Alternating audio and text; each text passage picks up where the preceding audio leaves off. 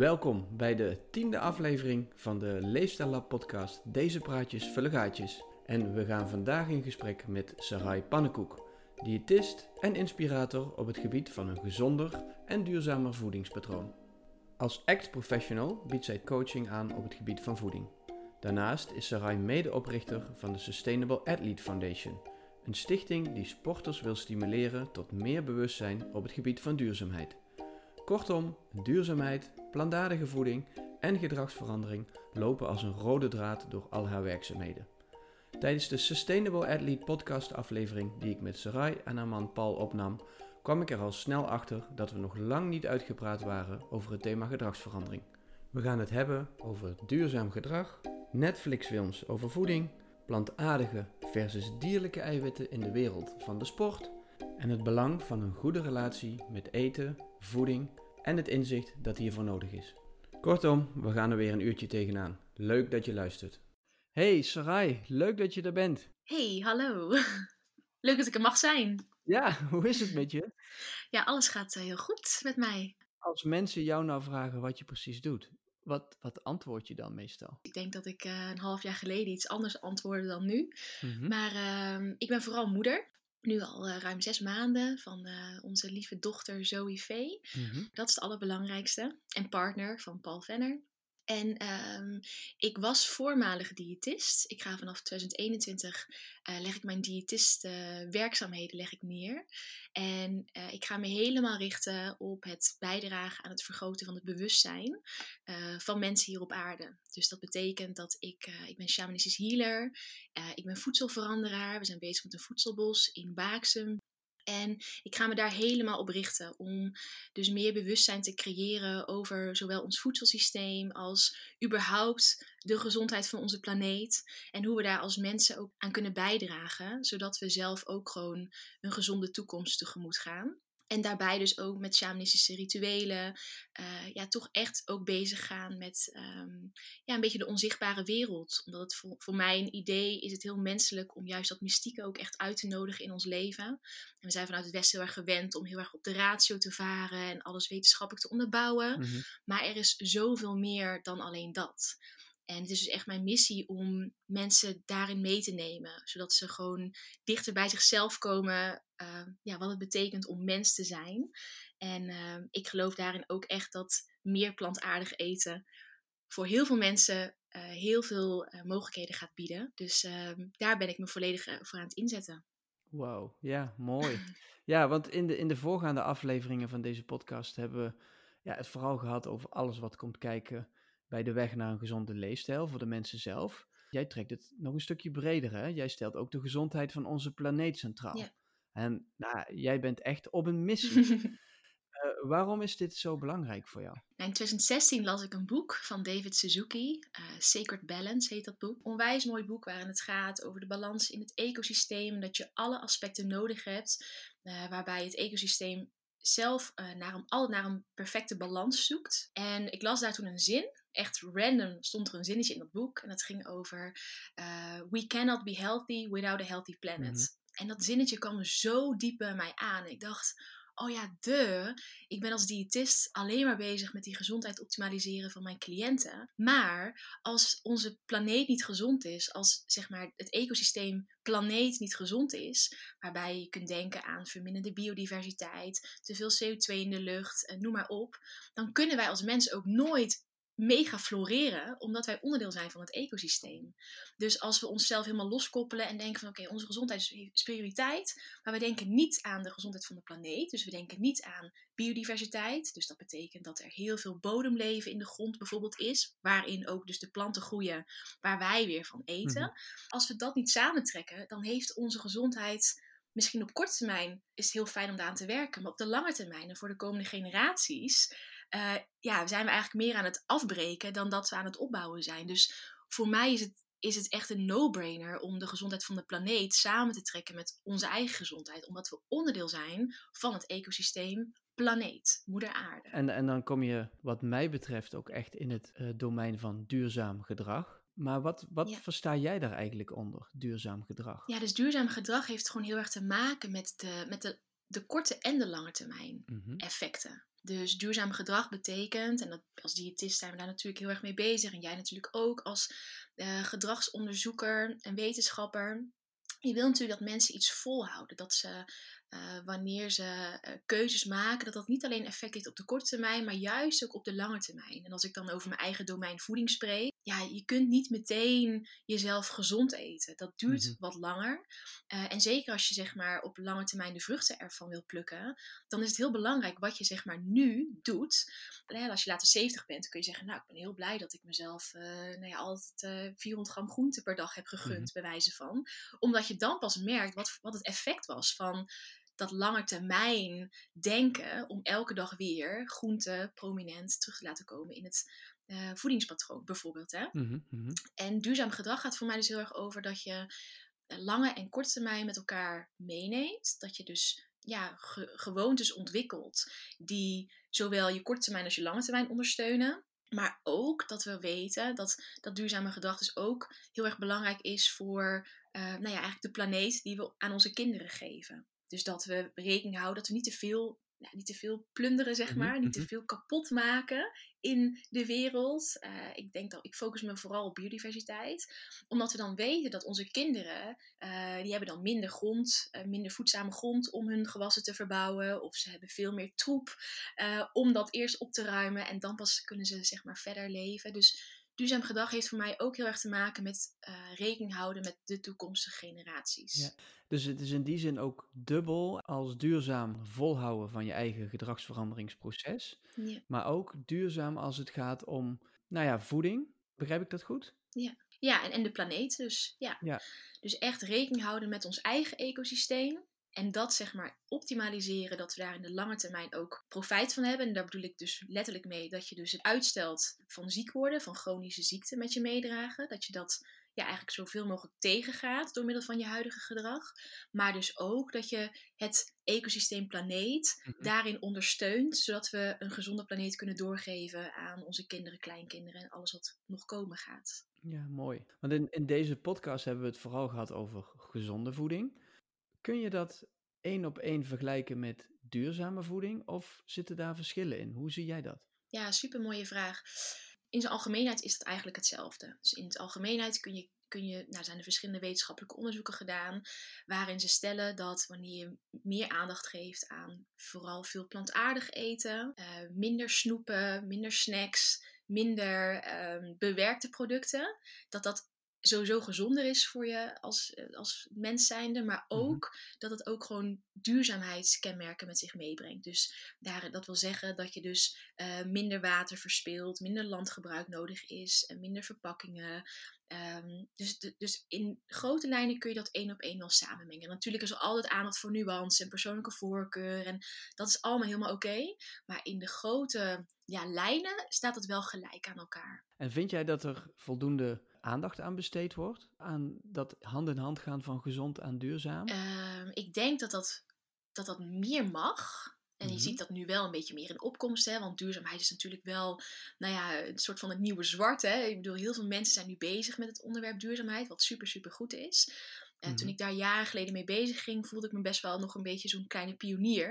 Uh, ja. Zeker in diëtistenland. Want diëtisten toen heel vaak dachten, en ik zeg niet allemaal, maar heel veel diëtisten die vonden toch nog wel van, hé, hey, maar als ik dan bezig ben met die gezondheid van de cliënt, kan ik me ook niet nog een keer bezighouden met duurzaamheid. Daar heb ik geen tijd voor. Terwijl voor mij was het juist gewoon, ja, pak het allemaal samen. En het kan juist heel mooi samengaan. En die bewustwording is er nu wel steeds meer. Dus dat is wel fijn. Maar jaren geleden nog niet echt. Ik hoor inderdaad die uitdaging hier van gezond en duurzaam.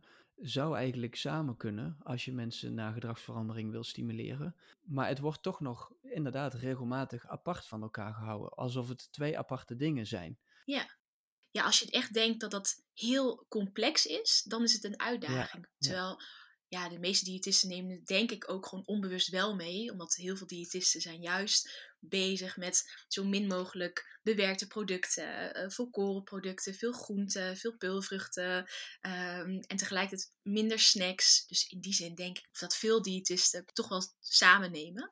Alleen als je het zo stelt, dan uh, zie ik het vaak in de praktijk dat ze dan denken, oh, hmm, maar hoe ziet dan een duurzaam voedingspatroon eruit? Ja, ik denk dat daar nog wel winst te behalen valt. Ja, en dat is dan met name voor professionals. Ja. Hè? En jij gaf zojuist ook aan, nou, ik wil mensen bewust maken uh, op dit gebied. Want ja, is dat nodig? Ja, zeker.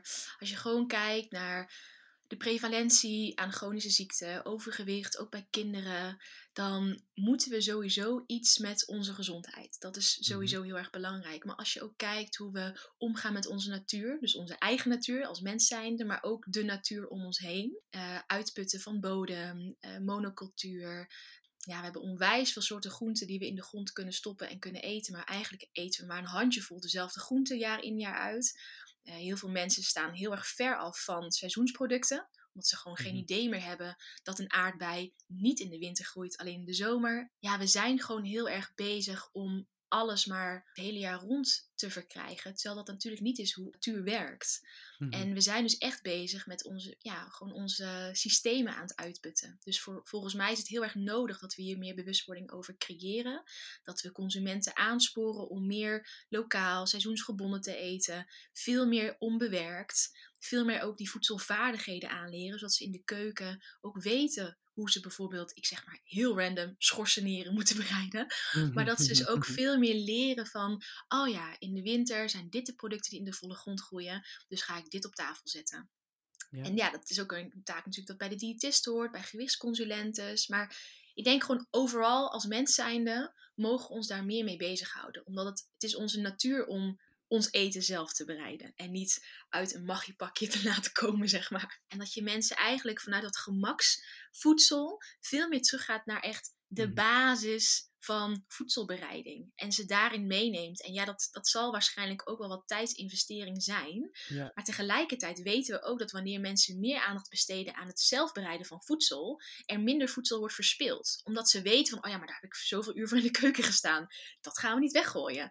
Dus die verbinding is ook heel erg belangrijk met dat voedsel om te zorgen dat mensen zichzelf blijven voeden, dat ze minder verspillen, maar dat ze ook denken van hé, hey, maar waar komt mijn voedsel dan vandaan? Ja, heel mooi, want ja, dat is hè, uh, wat we willen, dat mensen gezond en duurzaam eetgedrag eigenlijk vertonen. Nou, jij bent er eigenlijk al, al jaren mee, mee bezig. Ja. ja. Kun je ons iets vertellen ja, hoe jij dat specifiek aanpakt? Mensen gezond en duurzaam laten eten, zonder dat ze dat zelf zien als een enorme uitdaging of ja, alle moeilijkheden die daarbij komen kijken. Ja, en ik denk dus dat mijn positie als sportdiëtist, en ik, ik werkte in de topsport, ik denk dat dat mij een heel grote voorsprong heeft gegeven, omdat je meteen met een hele ja, uitdagende doelgroep bezig gaat. Een doelgroep die relatief minder tijd heeft, omdat er heel veel tijd wordt besteed aan herstel en aan slapen en überhaupt aan trainen. Ehm, mhm. Maar dus ja, ik heb meteen zeg maar hoog ingezet.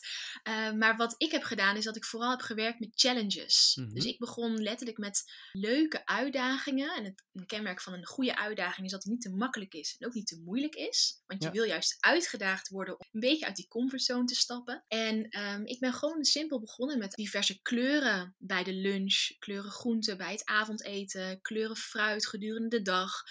En eigenlijk um, ja, begonnen met makkelijkere uitdagingen om sporters bewust te maken dat ze een keuze hebben. Mhm, mhm. dus als sporters elke dag twee bananen eten en elke dag broccoli, ja, dan probeer ik ze juist uit te dagen van hé, hey, maar wist je, je hebt nog meer kleuren dan alleen maar een groene broccoli ga eens kijken in de winkel. Wat kun je vinden? Wat, uh, wat herken je? En om zo eigenlijk die voedselvaardigheden en dat begint dus bij het herkennen van überhaupt voedsel. Uh, om die zeg maar op een speelse manier, een uitdagende manier aan aan te leren, uit te dagen. Tof, ja.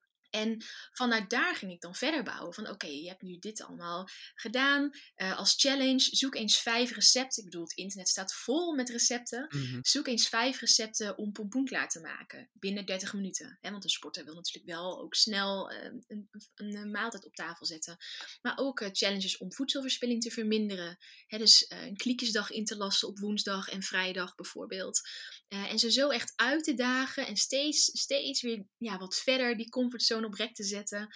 Zodat ze ja, aan het einde van het jaar of aan het einde van twee jaar voedingsbegeleiding, dat ze gewoon ja, uh, die, zelf die verantwoordelijkheid voelen voor hun eten. Ja, ja. Want als je dat voelt, dan ben je ook meer geneigd om ja, daar wat meer aandacht aan te geven. Aandacht aan te geven hoe je met je eten omgaat, waar je het koopt. En, en, en je gaat ook vanzelf dan vragen stellen. Want op een gegeven moment ben je op dreven en denk je, oh wow, dit zijn allemaal pompoenen, maar zijn er nog meer soorten pompoenen? Oh, je hebt ook een groene pompoen. En dan gaan ze helemaal verder daarin. En ja. dat is gewoon heel erg leuk. Dan daag je ze eigenlijk uit en op een gegeven moment gaat dat treintje vanzelf dan rollen. en, mhm, mhm. Ehm, en dan ben ik er gewoon nog meer om het een beetje voedingskundig zeg maar een beetje bij te sturen. Uh, maar ik denk dus dat het vooral zit in het speelse, het speelse element. Hè? Dus ik denk dat we dat heel vaak vergeten. Dat we voeding helemaal een soort van plaatsen als iets wat je moet doen. En je moet gezond eten. En je moet uh, dit en dat. Maar mhm, mhm, als we die mhm. moeten juist eraf halen. En het juist veel meer zien als een exploratie van wow, wat is er allemaal? En wat groeit er eigenlijk allemaal in de winter? En kun je bij de boeren langs gaan? En wat voor boer heb je dan gesproken? Weet je wel? ja, dan, dan is het veel speelser en veel leuker om op pad te gaan. Denk ik. Cool. Ja, en hier hoor ik ook echt die die duurzaamheid terug, hè? Ja. Uh, als zijnde het proces. Ja. Dus zelf aan de slag gaan. En ja, jij als, als diëtist of als coach in die zin, gewoon vanaf de zijlijn meekijkend en bijsturen in plaats van de regie te nemen. Precies dat. Ik zeg dat ook heel vaak in consulten van, ik ben eigenlijk gewoon zo'n soort van coach die aan de zijlijn een beetje zegt, hey, uh, een beetje naar links of hey, kijk daar, heb je dit al gezien? En mhm, gewoon mhm. meer zo en, en laat ze maar gewoon zelf exploreren. En en ook daarin zit natuurlijk weer een heel spectrum in. Sommigen die gaan helemaal los en die vinden het helemaal geweldig om uh, brood bij de bakker te halen en een vlees mhm, bij de mhm. boer en groenten bij een andere boer. En anderen die hebben zoiets van, nou, mm, ik ga gewoon bij de Albert Heijn en ik kijk gewoon even wat daar in de aanbieding is en dan maak ik op basis daarvan duurzame keuzes. Het is een heel spectrum en dat is allemaal goed, want ik denk gewoon dat het hem vooral gewoon in zit om uh, mensen te prikkelen om bewuster om te gaan met voeding. Ja, ja mooi. Ja, en nou ja, ook dat voedselvaardigheid wat je benoemt, en dat hebben we in een vorige podcast met Maatje Poelman en Koosje Dijkstra ook over gehad, dat dat zo belangrijk is dat mensen feeling krijgen ja. met hun eten en weten wat ze ermee kunnen doen. Precies, ja. Want ja, we kunnen mensen wel vertellen dat het gezond is, maar als je niet weet hoe het eruit ziet of wat je ermee moet, ja ja, dan kom je met die kennis niet zo ver. Nee, het gaat ook vooral om ervaren. Dus ik denk ook daarin ervaringsgericht coachen is daarin ook zo, zo, zoveel leerzamer dan wanneer iemand alleen maar kennis overdraagt. Want door die eigen ervaring leer je ook van, oh ja, dit, dit is echt een succesrecept. Of oh, dit recept ga ik nooit meer maken, want het kostte toch drie uur tijd en dat had ik eigenlijk helemaal niet. Dus door die ervaring leert men ook veel sneller en veel doelgerichter. En als we het dan hebben over sport en plantaardig, hmm. kunnen we dat met elkaar combineren? Want je hoort wel eens dat dat niet zou kunnen, want hè, we hebben dierlijke eiwitten nodig voor de spieropbouw. Ja, wat is jouw, jouw mening hierover?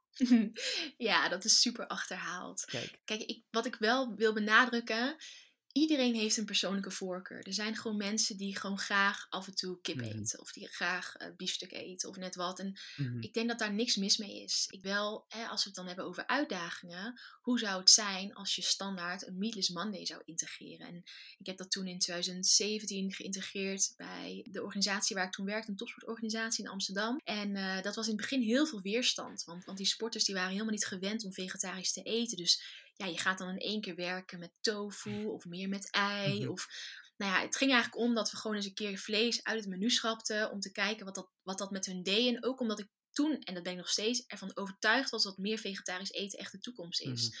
En ik dacht, nou, ze zijn nog jong, deze sporters. Laat ze maar alvast wennen, want dit is toch de toekomst. Uh, maar heel veel weerstand gehad in het begin. En ik hield voet bij stuk, omdat ik echt dacht, nee, maar jongens, we gaan hier gewoon aan wennen. Het is gewoon even nieuwe producten, ja, gewoon leren proeven. Dat klopt. Um, er is niks mis mee. Ik had alles doorberekend op voedingswaarde. Dus het klopt ook helemaal. Qua eiwitten en noem maar op.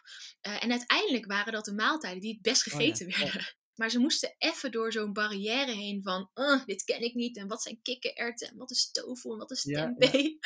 En, maar het mooie is dus dat we weten dat plantaardig eten en, en sport, of topsport, het kan gewoon heel goed samengaan. Maar het ligt heel erg aan de voorkeur van de persoon. Ja. En ik denk dat het altijd mooi is om jezelf uit te dagen. Dus ik zeg het ook heel vaak tegen collega-diëtisten die een mening hebben over veganistisch eten. Van, weet je wat, probeer het gewoon eens een maand. En kijk eens waar je dan in een maand wat je eruit kan halen en waar je tegenaan loopt. Maar dan heb je het in ieder geval ervaren. En nogmaals, die ervaring is zo belangrijk. Want als we die ervaring hebben, dan weten we dus van, oh ja, daar moet je rekening mee houden, en daar moet je op letten, en dit gaat heel erg makkelijk. En dan kan je dat ook makkelijker naar cliënten communiceren. Maar we weten gewoon dat het wel kan. En het is niet de gouden, het is niet de, de holy grail, dat plantaardig Mhm. eten zorgt dat je topsportprestaties worden verbeterd. Totaal niet. Als in, Mhm. dat ligt gewoon aan de voedingswaarde. Dus eh, je kan plantaardig eten met heel veel Oreo's en eh, vegan junkfood bar. maar Mhm, eh, het mhm. ligt natuurlijk wel aan de producten die je kiest. En ik sta wel echt voor een whole food, plant-based nutrition. Dus onbewerkt, plantaardig. en, en daarin gewoon weer op voedingswaarde terug beredeneren en terugrekenen. Of het dan past bij eh, ja, jouw topsport, eh, jouw vorm van topsport die je beoefent. Maar het Ja. is dus niet superieur aan een omnivoor dieet of een eh carnivore dieet. Nee. Eh, maar het kan heel goed samengaan. Maar ook dus niet andersom. Ik bedoel, Nee. dat carnivore dieet is ook niet Nee. superieur ten opzichte van plantaardig. Als het op sportgebied aankomt of in het algemeen. Hè? Nee, zeker niet. Ik denk dat daarin dus ook heel erg belangrijk is dat mensen gewoon voor zichzelf zeg maar, gaan uitzoeken wat past het best bij mij. En als dat helemaal veganistisch is, super top. Heel goed dat je het hebt onderzocht. En als dat eh, flexitarisch is of vegetarisch of ehm, nou ja, zoek voor jezelf uit. En, en daarin vind ik het weer heel, heel erg belangrijk dat je goed naar je lichaam luistert. En dat het misschien kan dat je op sommige periodes dat je dan juist wat meer dierlijke producten integreert en op andere periodes juist weer meer veganistisch eet. Ja, dat is ook helemaal oké. Hè, Maar Ja. Zoek gewoon voor jezelf uit waar je goed op gaat. En dat is altijd het, ja, altijd. Ik denk in de meeste gevallen is dat het beste voedingspatroon. Want dat kun je Ja. volhouden. Ja, want ik vind ook wel mooi wat je z- in het begin aangaf, is dat je gewoon een keuze hebt. Ja, En dat je niet achter de heersende opvatting sport is dierlijk eiwit Ja. hoeft aan te lopen. maar dat je met de kennis die er nu is, ook gewoon andere keuzes kunt maken en kunt uitzoeken, hey, eh, eh, past dit bij mij? ja zeker. Hè, gedragsverandering, ja, houden we met name vol als je gewoon echt iets doet wat bij je past. Ja. Eh, bij jouw leven, bij jouw uitdagingen. En wat jij leuk en lekker vindt. Precies. Oh, dus echt wat je leuk en lekker vindt. Inderdaad, dat is zo belangrijk. Ja, want wat vind je dan bijvoorbeeld van zo'n zo'n documentaire als What the Held? Die heeft bij mij in ieder geval ehm, eh, geleid dat ik heel veel vragen kreeg. Hè? Mensen denken soms nog steeds dat ik voedingsexpert ben. Eh, en gingen mij helemaal vragen, ja Roel, wat vind jij ervan? En eh, kan dit nu? En, ja, maar wat, wat vind jij er als voedingsexpert van? Ja, kijk, ik denk dat zulke Netflix-documentaires, en ik noem het eigenlijk, ik vind het eigenlijk geen documentaire, want het is, het geeft niet het hele plaatje weer. Het is echt, zeg maar, een deel van, het geeft gewoon een heel bepaald, ja, beperkend perspectief Mhm. weer. Eh, dus ik noem Netflix-documentaires, ook al staan ze onder de genre documentaires, ik noem het eigenlijk altijd films, het is gewoon een film, het is geen documentaire. Infotainment, ja. ja. ja, precies. Ehm, maar kijk, wat de held en ook Game Changers, dat zijn allemaal voorbeelden van films waarvan ik denk, nou, als dat bewustwording creëert bij mensen, Mhm. dat ze naar hun voedingspatroon gaan kijken en op basis daarvan denken, hey, ik wil wat meer plantaardig eten. Ik ga inderdaad kijken wat ik met pompoen kan maken en kikkererwten en noem maar op. Nou, super fijn. Super fijn dat die trigger er is. Want ik bedoel, ik kan wel eh, een beetje op Twitter of op Mhm. eh, Instagram zeg maar mijn visie Mhm. promoten. Maar ik heb maar een bepaald heel klein bereik vergeleken met zo'n Net- Netflix-film. Dus ik ben alleen maar heel erg blij dat die films er zijn om mensen bewust te maken Ja. van, oh, voeding. Ik kan ook eens een keer iets anders eten dan kwark. Oké. Wat ik wel, waar ik wel een beetje jeuk van krijg, is natuurlijk die onwaarheden die erin zitten. Hè. Ze, Mhm, mhm. ze, ze, ze zijn heel selectief in de tussen haakjes onderzoeken die ze aanhalen. Ze doen dan met bronvermelding eronder, wat helemaal Mhm. niet adequaat vermeld is. De ene keer alleen de schrijver, dan Ja, journal. Ik krijg er echt helemaal jeuk van. En het is heel veel cherrypicking, want ze hebben met een bepaald doel deze zogenaamde documentaire gemaakt. Dus ze zijn alleen maar op zoek naar, ehm, ja, naar wetenschappelijk onderzoek tussen haakjes dat in hun straatje past. Ja. En, en daar kan ik minder goed tegen, omdat het gewoon een heel ja, bepaald beeld geeft. Ehm, ik heb voor het collectief I'm a Foodie, waar ik heel lang blogger voor was, heb ik daar zowel over What the Health als de Game Changers een hele grote eh, blog geschreven over wat er dus niet helemaal klopte en noem maar op. Dus voor die feiten zou ik daarna willen verwijzen, omdat er gewoon, ja, er zitten wat onwaarheden in. En, en dat vind ik dan jammer, dat je dus eigenlijk mensen meeneemt in een visie, wat, wat ik wel heel goed vind dat je Mhm. mensen meeneemt in een visie, maar als het berust op onjuistheden, Ja. eh, om maar mensen aan boord te krijgen, denk ik, ja, dat had ook op een andere manier gekund. Hè. Laat mensen dan gewoon vrij om zelf te ervaren wat een meer plantaardig voedingspatroon met hen doet. Kijk, daar ben ik meer voorstander van. Van het dus leuk en lekker maken en laat ze maar ervaren. En heel veel mensen die ervaren vaak, als ze met een plantaardige voedingspatroon starten, dat ze veel meer opties hebben, dat ze in één Ja. keer allemaal nieuwe smaken proberen, nieuwe producten. Ja, dat is waardevol om, dat, om die ervaring mee te geven. In plaats van vanuit een bangmakig hoekje zeggen van... Oh, maar als Ja. je te veel dit eet, dan krijg je dat en dat en dat. Terwijl het dus niet echt eens klopt. Ja, ik denk dat dat gewoon niet echt... Dat is een beetje de quick fix. Maar ja, dan ben je mensen meer bang aan het maken... dat ze zelf gemotiveerd zijn om vanuit hun eigen waarde... gezondheid bijvoorbeeld, eh, zelf te gaan exploreren. Ja, ja wat ik in- inderdaad helemaal eens. Ja, wat ik er jammer aan vond, is dat er dan toch weer twee kampen gecreëerd worden. Ja, ook dat. En, ja. en, dus dat voeding dan toch weer zwart-wit wordt gemaakt. Ja, dit is wel dat, goed, ja. dat is niet goed. ja. Dit is superieur ten opzichte van het ander. Terwijl ja, laat- precies dat. ja, het zou zo mooi zijn als je gewoon het hele brede perspectief laat zien, wat jij ook zegt, met alle voor's en Ja. tegens. En niet iets presenteert boven het ander. Precies, En, en, en dat is natuurlijk wel voor tv vaak nodig om een bepaalde emotie Precies, erin te ja, gooien. Maar dat is zo jammer. Daarom noem ik al de- Netflix documentaires gewoon films. Gebruik ze vooral als inspiratie, maar voor, voor de echte feiten zou ik andere Ja. bronnen raadplegen. Ja, mooi. Nou, hebben we dat ook gewoon eh, gezegd en eh, afgevinkt.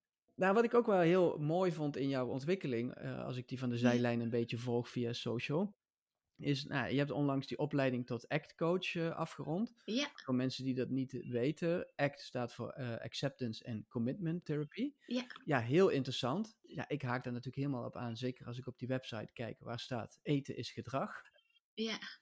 Ja, wat brengt die manier van coachen jou? Nou, ik denk voor mijzelf, ik denk dat ik, dat ik een geboren act professional ben. Eh, voor mij voelde act echt als thuiskomen. Het was echt een, een hap eh, uit mijn hele eh, carrière, die ik eigenlijk op professioneel gebied een beetje miste. Mhm, Want mhm. eh, ik, ja, ik denk de meeste mensen die met mij hebben gewerkt, die kunnen dat wel beamen. Ik, was, ik ben altijd heel erg voor die plek, psychologische flexibiliteit geweest. Dus als mensen met mij op consult Mhm. kwamen, dan deed ik zeker wel het voedingsadvies. En, maar ik deed altijd extra uitdagingen. Ik was altijd bezig met de mind, met gedachten, met mindfulness en noem maar op. Dus voor mij was ACT zeg maar een manier om een soort van op professioneel vlak ja, als diëtist toch ook ja, een beetje thuis te komen van, oh ja, wow, ik miste zeg maar altijd dit aspect in de hele opleiding diëtetiek, in überhaupt het werk als diëtist. Dat, daar dus, ja, dat je daar dus gewoon ja, ook een papiertje voor kunt krijgen, zeg maar, als je ACT-coach bent. Ja. Eh, maar ACT staat dus voor inderdaad Acceptance and Commitment Therapy. En het eh, gaat dus heel erg om het verkrijgen van psychologische flexibiliteit. En als we gewoon kijken naar gedrag en gedragsverandering, dan kan je dat gewoon niet eh loszien van de psychologie. Mhm. Omdat elk, elke vorm van gedrag komt voor uit een emotie. En een emotie komt weer voort uit een bepaalde gedachte. Dus we kunnen, hè, vaak zijn met gedragsverandering. En ik spreek ook echt voor mezelf hoe ik dat vanuit de opleiding heb geleerd, diëtiek. En dat zal misschien nu al lang veranderd zijn. Maar in ieder geval, zo was het in nou, ik ben in 2012 afgestudeerd. Het ging heel erg over altijd de buitenwereld. Van oké, een cliënt eh, heeft overgewicht. Je ziet in de voedingsanamnese dat de cliënt elke dag, ik zeg maar wat, chips eet. Nou, dan moet je adviseren, geen chips, een appel. Heel even, Ja, ja. even super zwart-wit. Ja. Zo ging het, hè? Buitenwereld. Van oké, vervang die chips voor een appel, vervang het koekje voor dit, laat het water drinken. Maar het ging eigenlijk alleen maar over die buitenwereld. Terwijl alle vormen van gedrag, of ze nou automatisch piloot zijn of bewuste intentie dat je eh, iets leuks gaat doen, het komt allemaal voort uit de binnenwereld. Dus als we die binnenwereld geen aandacht geven, dan kunnen we, zijn we alleen maar korte termijn aan het werk, werken. Want dan zal de cliënt op korte termijn weten van, oh ja, de diëtist zei in plaats van chips een appel. Maar als die, die cliënt chips at omdat er eigenlijk vanuit binnenuit een dikke vermijdingsstrategie zat, of een angst, of nou ja, iets anders wat zeg maar aan het voeten was in, dat, in die binnenwereld, dan eh, gaat die appel op een gegeven moment niet meer verzadigen. Omdat die chips had een doel Mhm. om eh, om te kunnen gaan met die binnenwereld. En ik vind dat dat heel mooi in ACT terugkomt. Dat je dus echt bezig gaat met zes verschillende pijlers. Acceptatie, diffusie, dus dat betekent dat je afstand neemt van je gedachten. Maar ook het zelf, dus ehm, je zelfbeeld, hoe praat je over jezelf, de verhalen die je over jezelf hebt. Eh, het hier en nu, een stukje mindfulness. Eh, toegewijd handelen, dus dat betekent acties op basis van je waarden. En dus ook je waarden, dat is ook Mhm. een pijler. En ik vind dat gewoon heel mooi, want het allemaal, zeg maar, binnenwereldaspecten met zich meedraagt. En dat wordt vertaald naar de buitenwereld. En ja, die combinatie voor mij is gewoon goud als we het hebben over eten. Dan kunnen we die binnenwereld, ehm, ja, die moeten we Mhm. meenemen. dat, dat, want eten is gedrag, Ja, precies dat. Eten is gedrag.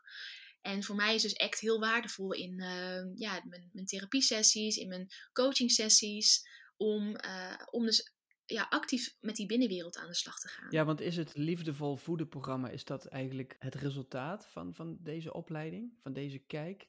Nee, liefdevol voeden heb ik uh, anderhalf jaar, bijna ja, anderhalf jaar geleden heb ik dat ontwikkeld. Mm um, en dat is eigenlijk een programma waarin uh, zowel ACT de basis heeft. Want ja, ik, ik heb pas dit jaar de opleiding gedaan tot ACT Professional. Maar ik werk eigenlijk al veel langer mee. En zonder dat ik ACT kende, werkte ik ook al heel lang mee. Mm -hmm. um, maar Liefde Voeden is dus eigenlijk gebaseerd op ACT. Het is ook gebaseerd op heel veel spiritualiteit. Dus ook echt de kracht van woorden. Er zitten heel veel meditaties, visualisaties in. Waarin je eigenlijk dus ook ja, die rust en die ruimte leert innemen om te verbinden met je binnenwereld. Want Vaak zijn mensen die een verstoorde relatie hebben met voeding uit verbinding met hun lijf, uit mhm. verbinding met hun binnenwereld. En daar zijn ze zich vaak niet eens bewust van.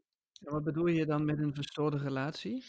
Ja, bijvoorbeeld mensen die heel vaak eetbuien hebben, mensen met een eetstoornis, mensen met uh, ja, binge-eating disorder, mensen met ja, eigenlijk regeltjes, hè, continu uh, elke dag hun voeding mhm. tracken. Dat vind ik allemaal verstoorde relatie met voeding. Want eigenlijk zou voeding heel natuurlijk gewoon moeten gaan van... hé, hey, ik heb vandaag behoefte aan dit, dus ik eet wat meer van dat. Ik heb vandaag behoefte aan iets meer dit, dan eet ik mhm, dat. Mhm. Zonder dat je dus ja, je mind die daartussen komt, die zegt: Oh nee, niet doen, want dan word je dik en je bent echt dik en noem maar op. Ja, ja. Ehm, dus dat noem ik een verstoorde relatie met voeding. Dus dat is heel breed. En uh, nou, heel veel mensen in het Westen hebben een verstoorde relatie met voeding.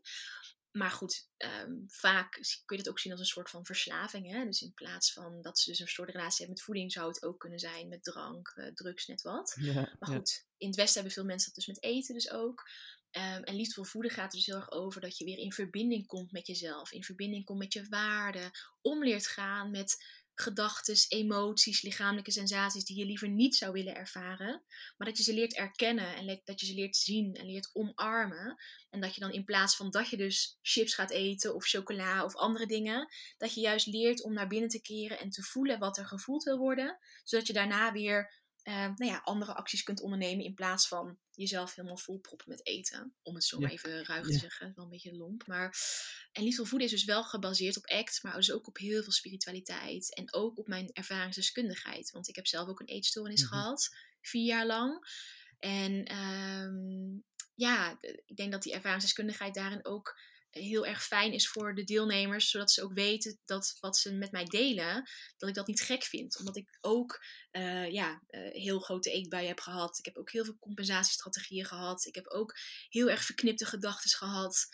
Uh, en dat dat helemaal oké is. En dat, je dus ook, dat ik ook echt als een soort van bron van hoop kan fungeren. dat ze weten van, oh, ik kan er wel uitkomen. Want Sarah is er ook uitgekomen. En dat vind ik heel waardevol. Ja, mooi.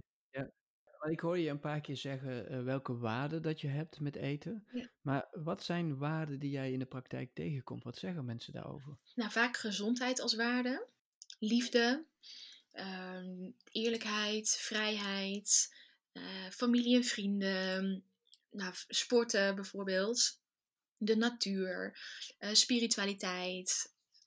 Um, ja, dat zijn denk, denk ik wel de meest voorkomende waarden. Maar waarden zijn heel erg persoonlijk. Dus ik geef mm cliënten altijd een lijst mee. En dan zeg ik, nou, dit is, er staan denk ik iets van 50 verschillende waarden op. Mhm. Maar ook dat is niet uitputtend, want je hebt nog veel meer soorten waarden. Maar het is denk ik sowieso goed als mensen bewust worden van... hé, hey, maar wat zijn eigenlijk dingen die ik heel erg belangrijk vind in het leven? En hoe vertaal ik dat dan naar concreet gedrag? Kortom, doe ik ook echt dingen die ik belangrijk vind in het leven? En wanneer mensen daar bewust van worden, zie, je zie ik vaak dat er een soort van vuurtje weer aangewakkerd wordt. Van, oh wacht, er is echt nog wel een wereld um, ja, waarin ik kan doen wat ik heel erg belangrijk vind en wat ik leuk vind. En daarin zijn waarden heel erg persoonlijk. En het is ook persoonlijk gedreven gedrag. En ik denk dat dat zo ja, waardevol letterlijk is. Dat je letterlijk mensen kan coachen naar het leven wat ze graag willen leiden. Ehm, dat ze ook echt dingen doen waar ze energie van krijgen, waar ze aan van gaan. En dat vind ik gewoon heel mooi, omdat ze vaak, ja, toch wel vaak gefocust zijn op dingen die ze niet mogen of dingen die ze mhm. moeilijk vinden. Mhm. Maar je neemt ze juist ook mee naar die andere kant van, hé, hey, maar wat vind jij dan belangrijk? En hoe kun je dat dan doen? Ja, wat voor gedrag hoort daar dan bij? En ga dat eens doen. en uh, ja, dat vind ik heel mooi om dan ja, toch te zien dat er weer zo'n zo'n sparkle in hun ogen komt van, oh ja, wacht, ik kan ook inderdaad met vrienden afspreken. En ik kan ook lekker wandelen in de natuur, want dat vind ik zo leuk. En dat heb ik al lang niet meer gedaan. ja, dan ga je met goede energie ook die behandeling verder. En is het dan ook dat, dat je dan kijkt met mensen uh, welke rol eten daar dan in speelt? Zeker. Of wordt eten dan daarmee eigenlijk ook toch stiekem weer te groot? Ja, ja, ik snap wat je bedoelt. Ja, dus je maakt eigenlijk een onderscheid, hè. Um, als je op basis van waarde, dus stel gezondheid is heel belangrijk. Uh, nou, wat zie ik je dan doen als je de waarde gezondheid aandacht geeft?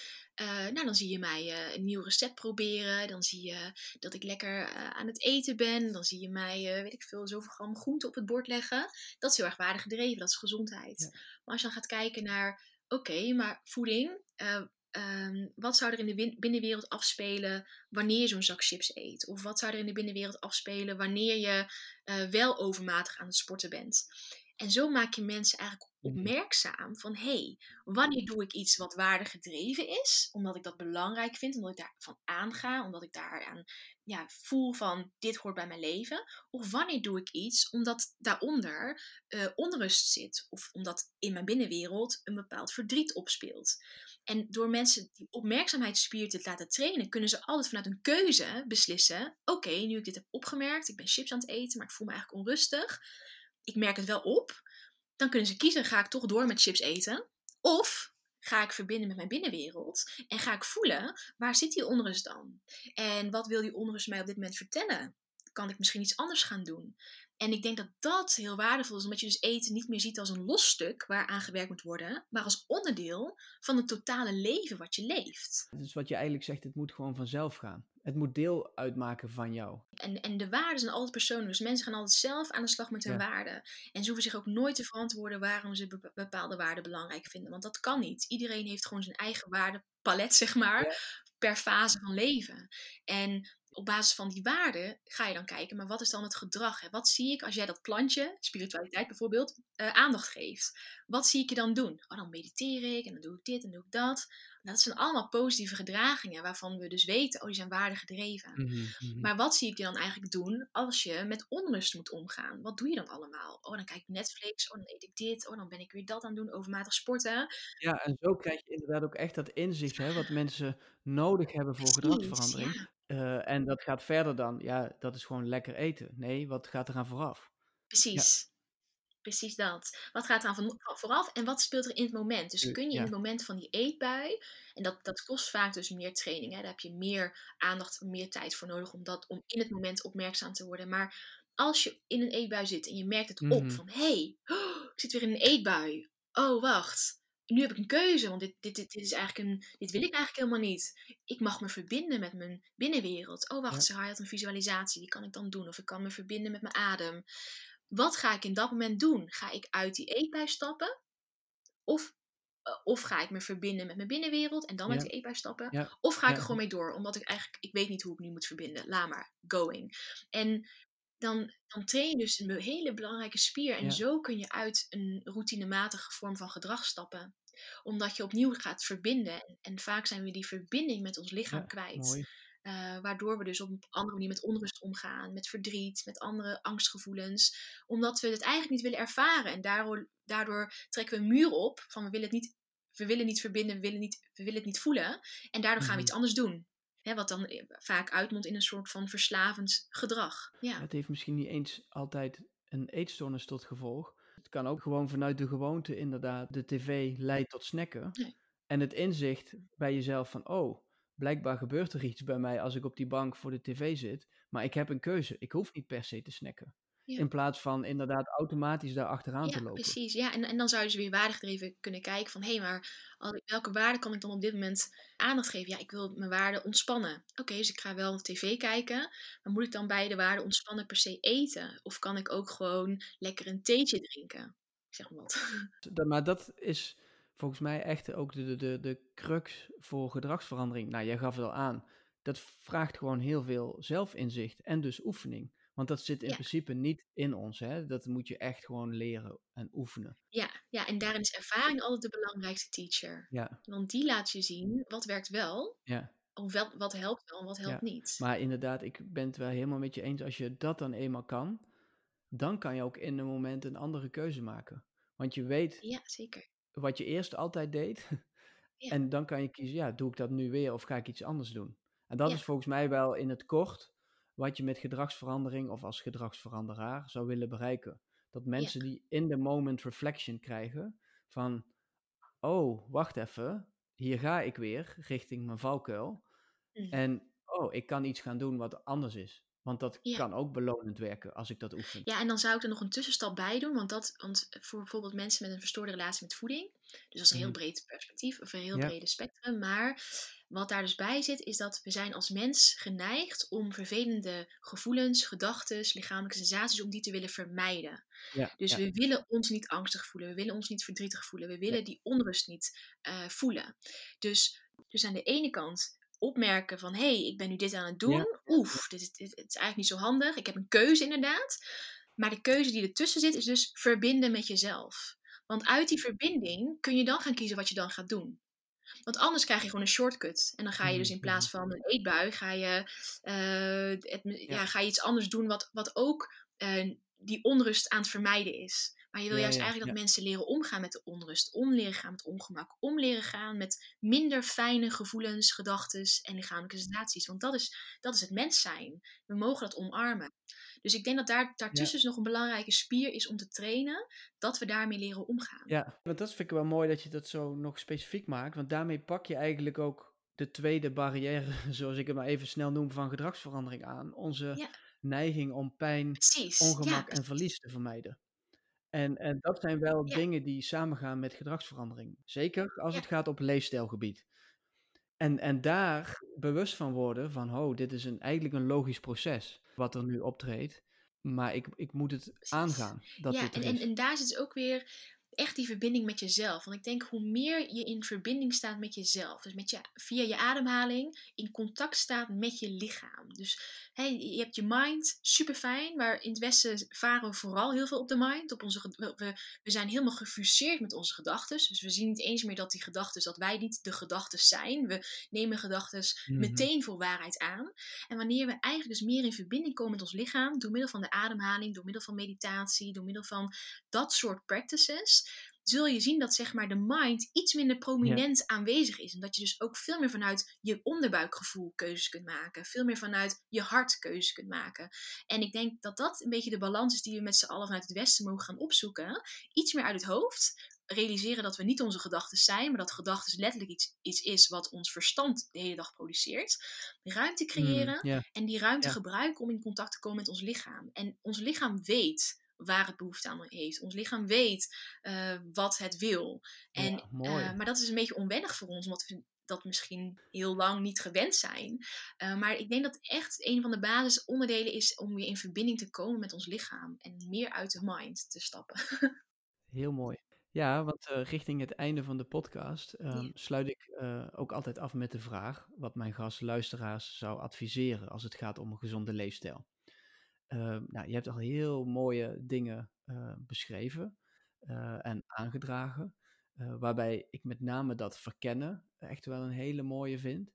Um, maar heb je nog meer specifieke tips voor mensen die hun leefstijl op een duurzame manier willen aanpassen? Ja, dan ga ik meteen inhaken op ook nou ja, de, de, de wereld waar we nu dus in zitten. Hè, met de pandemie die gaande is. Um, Ik denk dat het heel erg belangrijk is om een dagelijkse practice te ontwikkelen, waar, waarbij je je verbindt met je ademhaling.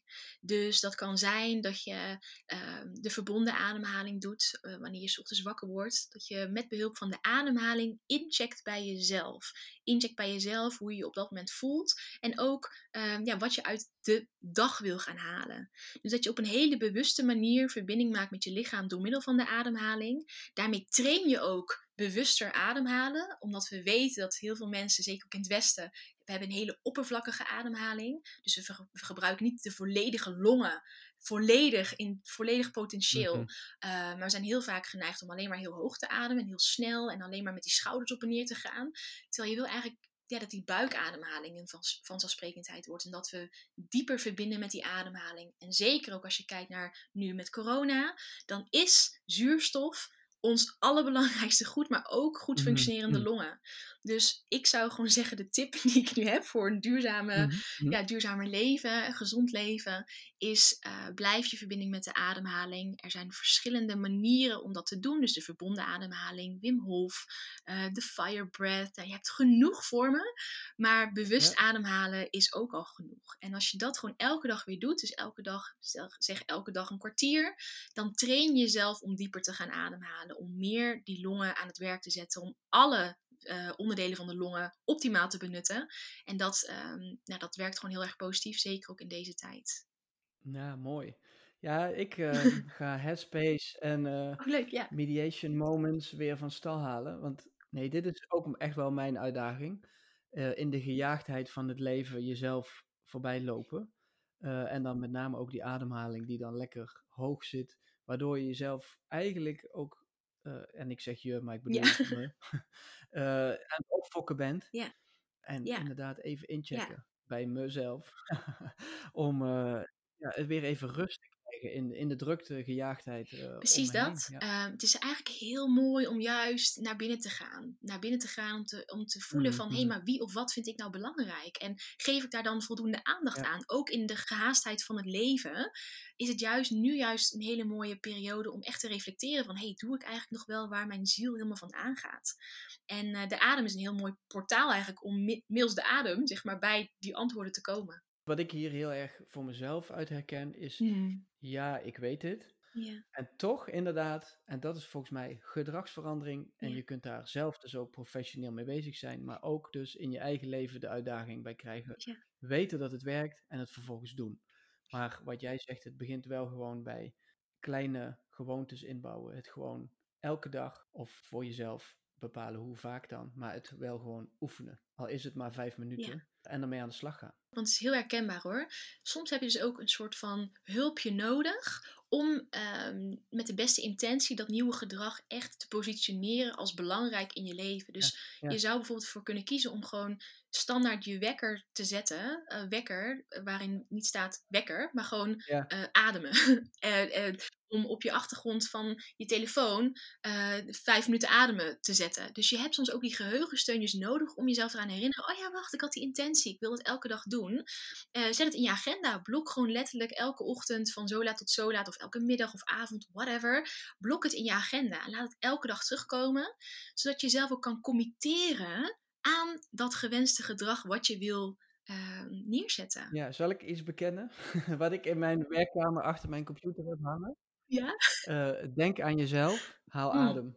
Precies, ja. Juist omdat als ik in dit hok zit, Ja. dit is gewoon één achtbaan als ik niet uitkijk. Ja. Van constant reageren Ja. op uh, prikkels via mailtjes, telefoon, social media. En in die drukte, uh, nou ja, haal ik zo nu en dan, ik bedoel, het is echt een, een, een proces. Ja. Zo nu en dan zie ik dat papiertje en dan denk ik, oh ja, ik heb een keuze. Wacht even. Mooi, Deze mail ga ik dus nu niet doen. Ik ga even terugzitten. mooi. Ja, super mooi. Nou ja, voor mensen die dat herkennen, inderdaad. Ja, je moet, het, je moet iets zoeken wat voor jou helpt om tijd Ja. te maken voor jezelf. Ja.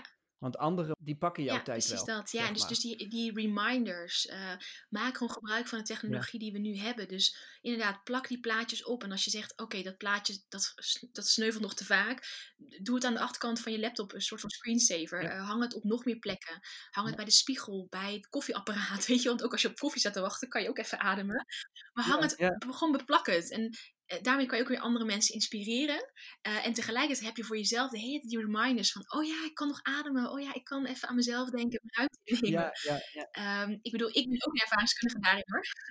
ja. Nee, maar hier komt ook weer terug wat je zegt. Gewoon verkennen. Hè? Het is gewoon, ga ermee aan de slag en kijk wat werkt. En eh, wat niet werkt, streep je Precies. door. Wat wel werkt, hou je. Optimaliseer zo, je gewoon je ehm, leven. Ja, kunnen we wel eh ieder ons Precies. eigen Ja, ding doen. precies. dit Ja, heel mooi. Nou, top. Ik hoop dat eh, Ja. na het luisteren van deze podcast mensen nou ja, op het idee komen om te gaan verkennen. Dat zou al heel mooi zijn. Dat hoop ik. Laat het ons vooral weten. Hey Sarai, ik wil je heel hartelijk bedanken voor jouw eh, wijsheden. Ja, super. Dankjewel dat ik eh, mocht aanschuiven. Een mooie aanvulling aan de podcastreeks. Ik ben heel benieuwd naar wat eh 2021 jou gaat Ja, brengen. dankjewel. Hey, dank je.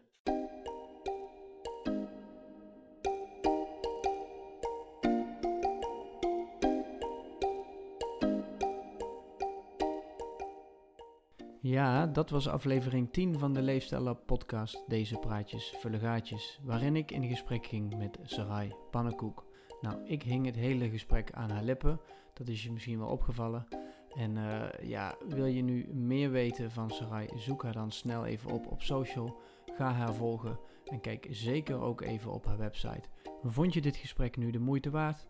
Deel deze podcast dan ook gerust met je vrienden. Tag ons even in je berichtje. En uh, nou ja, mocht je dat nog niet gedaan hebben, abonneer je dan ook meteen op de podcast, zodat je nieuwe afleveringen niet meer zult missen. Nou, genoeg voor nu. Ik ga afsluiten. In het nieuwe jaar gaan we weer verder met deze podcast en ga ik weer rom in gesprek met nieuwe gasten over het thema gedragsverandering. We zijn nog lang niet uitgepraat. Deze praatjes vullen gaatjes. Tot de volgende.